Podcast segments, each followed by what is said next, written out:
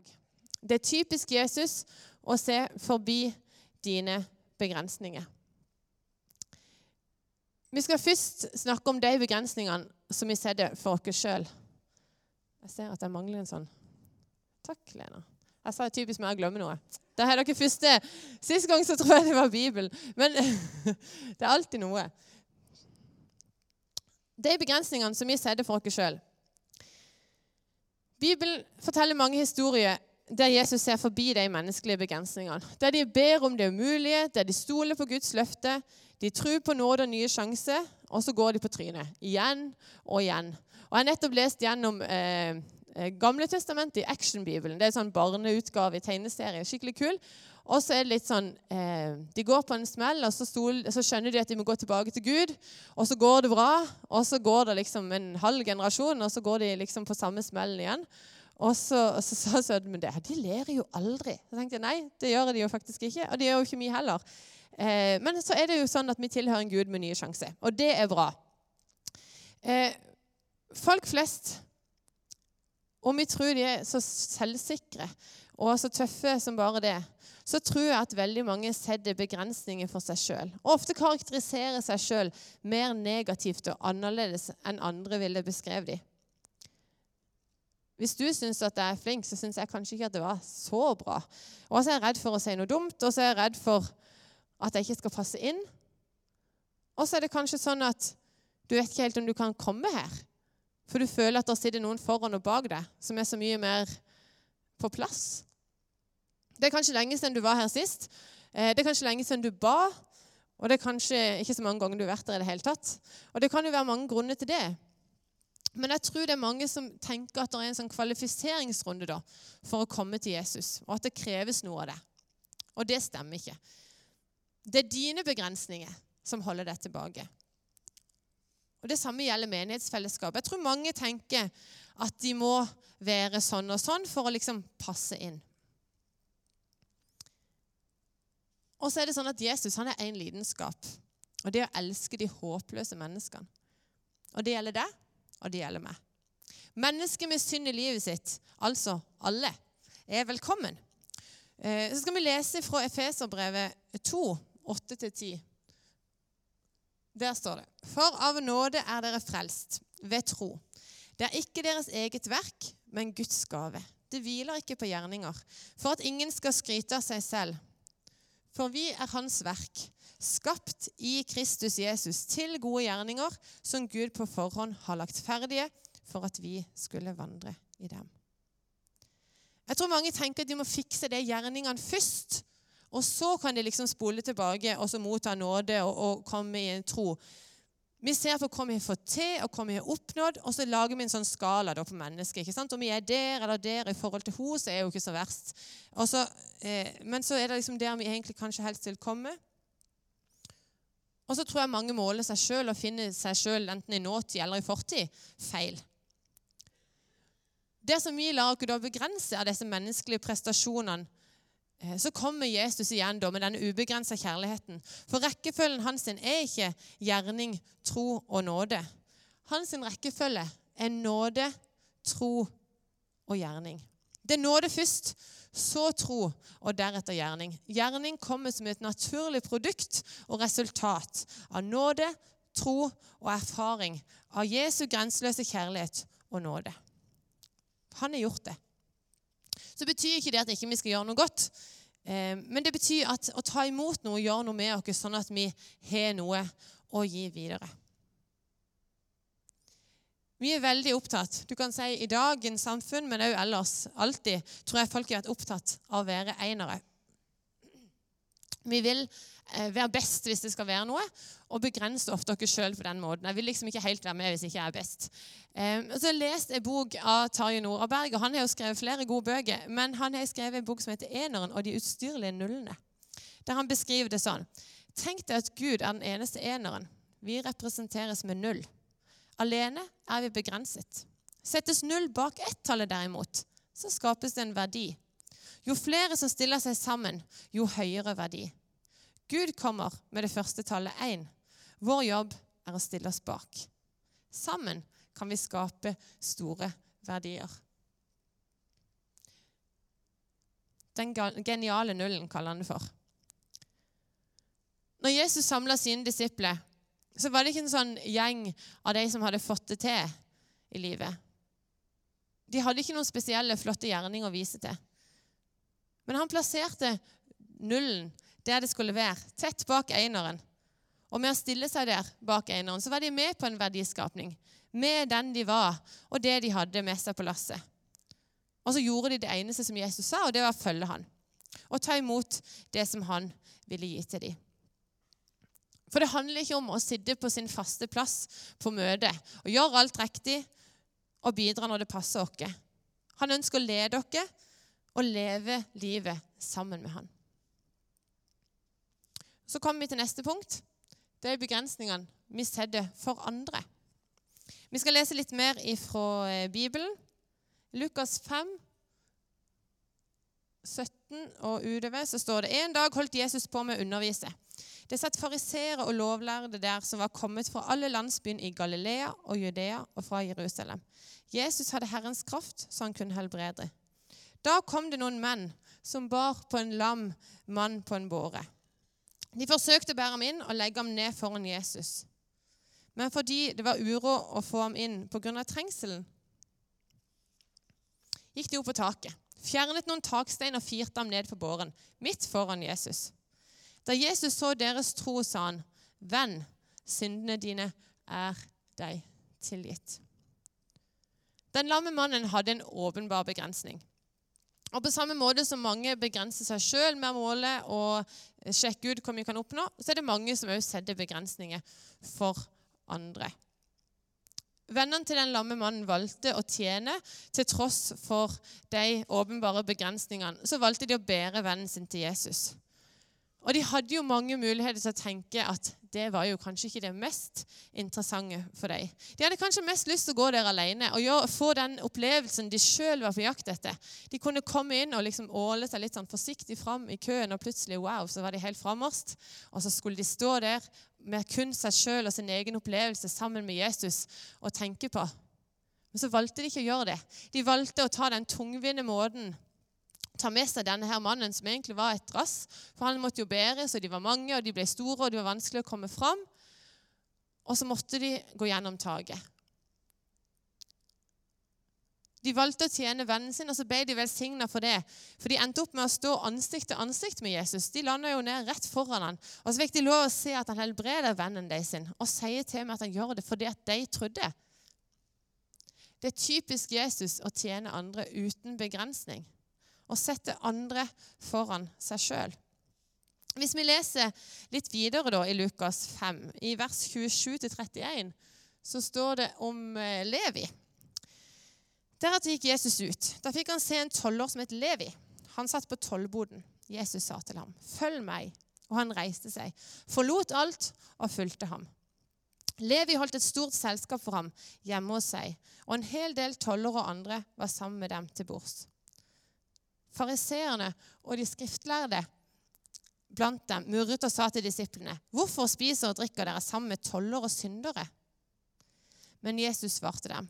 Det er ikke de friske som trenger lege, men de syke. Jeg er ikke kommet for å kalle rettferdige, men syndere til omvendelse.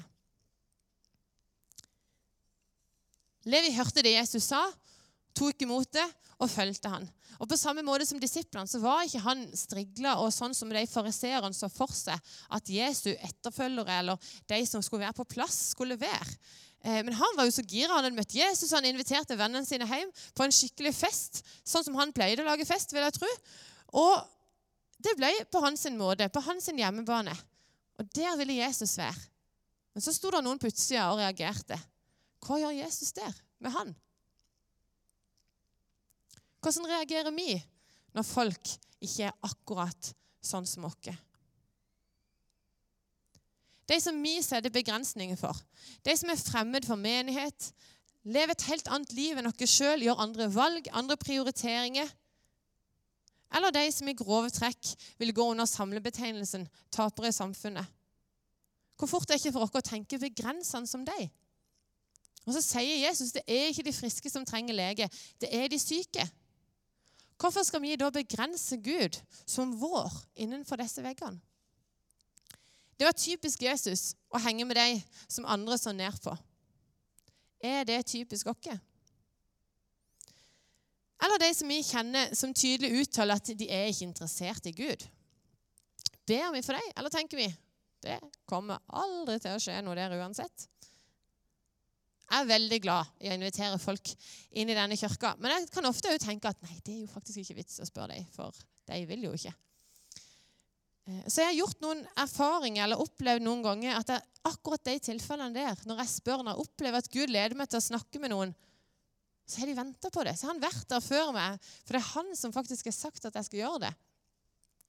Og det handler ikke om at jeg har gjort noe fantastisk. Eh, men det handler om at jeg ikke lar mine begrensninger overfor andre mennesker være ledende og hindre vedkommende i å få en invitasjon eller få en, en, en forespørsel. Det kan føles like unødvendig og meningsløst som å kaste garnet på andre sida av båten eller eh, å forvente fisk, f.eks. Eller å tro at eh, x antall tusen mennesker skal bli mette av to fisk og fem brød. Det er jo fortellinger som vi kan lese om i Bibelen, der Jesus eh, gjør ting som er utenfor begrensningene til de som er rundt.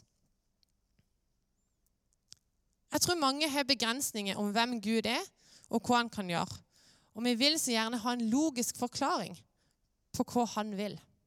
Vår rasjonelle tanke begrenser oss noen ganger til å lytte til det som Gud faktisk sier.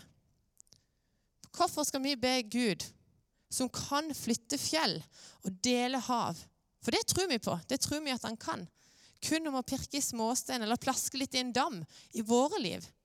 Jeg tror han er så stor, men i mitt liv så gir han liksom bare de småproblemene eller de tingene som ikke er så stort. Jeg begrenser hvem han er. Og så ber han oss om å gi han hele fjellet eller hele havet, og gi han hele hjertet. Jeg har lært at å bruke ordene alle, aldri og alltid, det skaper dårlig kommunikasjon. Det fyrer liksom opp enhver diskusjon når en sier sånn alltid så skal du gjøre det. Eller du husker aldri. Um, og det er jo fordi at aldri er ikke aldri, og alltid er ikke alltid. Og alle andre er ofte bare et par stykk. Men når Jesus bruker de ordene, så er det en annen power på det. For når han sier alle, så mener han alle. Og når han sier aldri, så mener han aldri. Når han sier 'kom til meg, alle dere', som bærer tunge byrder. Jeg vil gi dere hvile. Så er det et løfte som gjelder alle.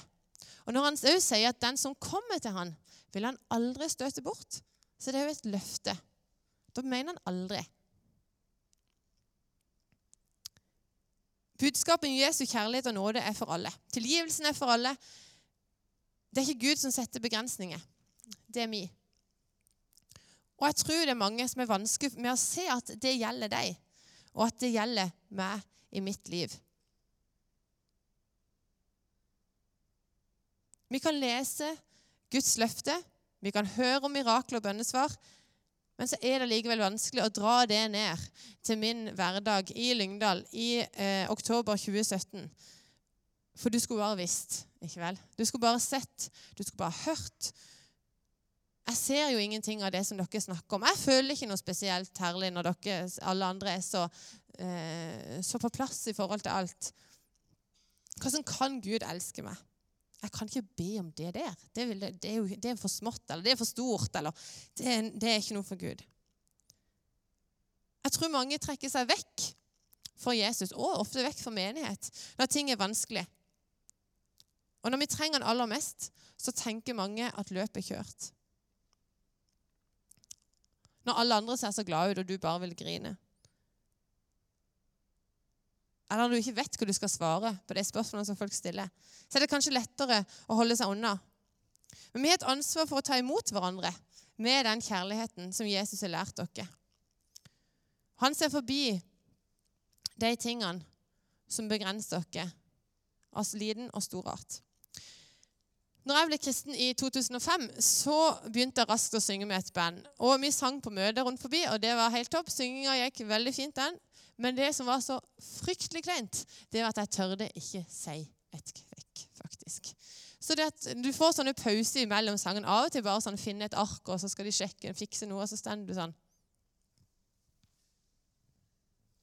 Og så er det ganske flaut, for jeg kjenner jo at jeg har lyst til å si noe. Jeg har lyst til å dele noe, men jeg tør ikke. Og jeg vet ikke, og jeg kan ikke, jeg, jeg, jeg kan ikke det språket, og jeg vet ikke hva jeg skal si.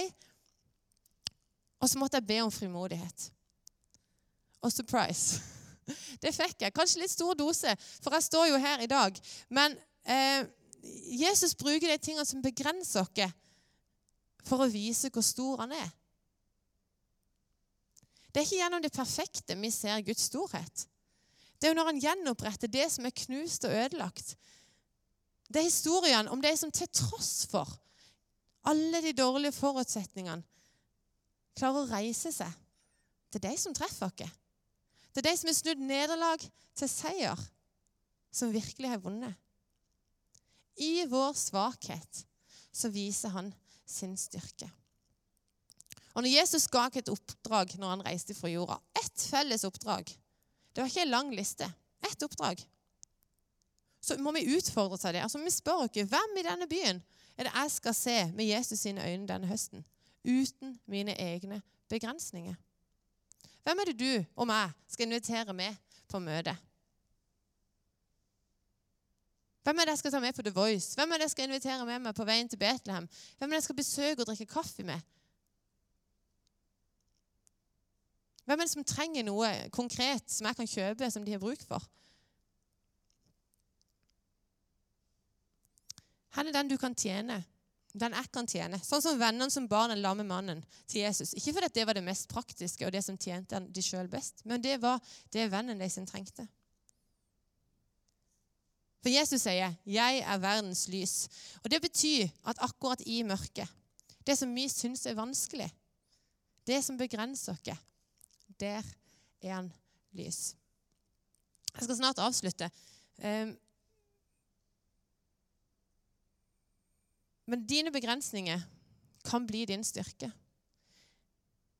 Det er ikke sånn at Jesus ønsker en relasjon med alle, bare ikke deg. Pga. din oppførsel eller dine problemer. eller Der går liksom grensen. Det er greit med det meste, men det, det var nok. Og det vi helst vil skjule, det vet han jo. Og allikevel så vil han være nær. Disiplene var vanlige fiskere og bønder og småkriminelle. Jesus så ikke etter de perfekte. Han så etter de som med sin utilstrekkelighet ville være avhengig av han. Det er jo ikke det at Gud skal ta oss forbi problemet, men han har lyst til at vi skal gjøre livet sammen med han. Ta den bagasjen, den erfaringa, de begrensningene vi har i dag, og gi det til Jesus. Og la han bruke dem til en ny start. Det er et godt liv. For Jesus definerer deg ikke etter de fortid. Han ser den som er blitt ny i han. Og våre begrensninger blir hans storhet når han reiser dere opp ifra de begrensningene og løfter dere inn i det som han har for oss. Spørsmålet er da om vi klarer å se forbi de begrensningene. Om vi tør og gi oss over til Han, selv om vi ikke tenker at vi kan, eller fordi vi ikke pleier. Men det er typisk Jesus å se forbi våre begrensninger. Så vi må se på Han og se det som Han ser. Om oss og om andre. Jeg skal be. Takk, kjære far, for at du ser oss uten de begrensningene som vi setter om oss sjøl. Takk for at du ser vår omgivelse med noen andre øyne enn det vi ser. At du er klar for å gi hver enkelt det som de trenger. Hjelp oss å søke til deg når ting som er vanskelig, møter dere, og ikke trekker dere vekk. Hjelp oss å bære andre fram til deg, sånn som de bar den lamme mannen. Ikke fordi det var det letteste eller det enkleste, men fordi det var det som var riktig. For det var det han trengte. Takk for at du er en Gud med muligheter, nye sjanser. I Jesu navn. Amen.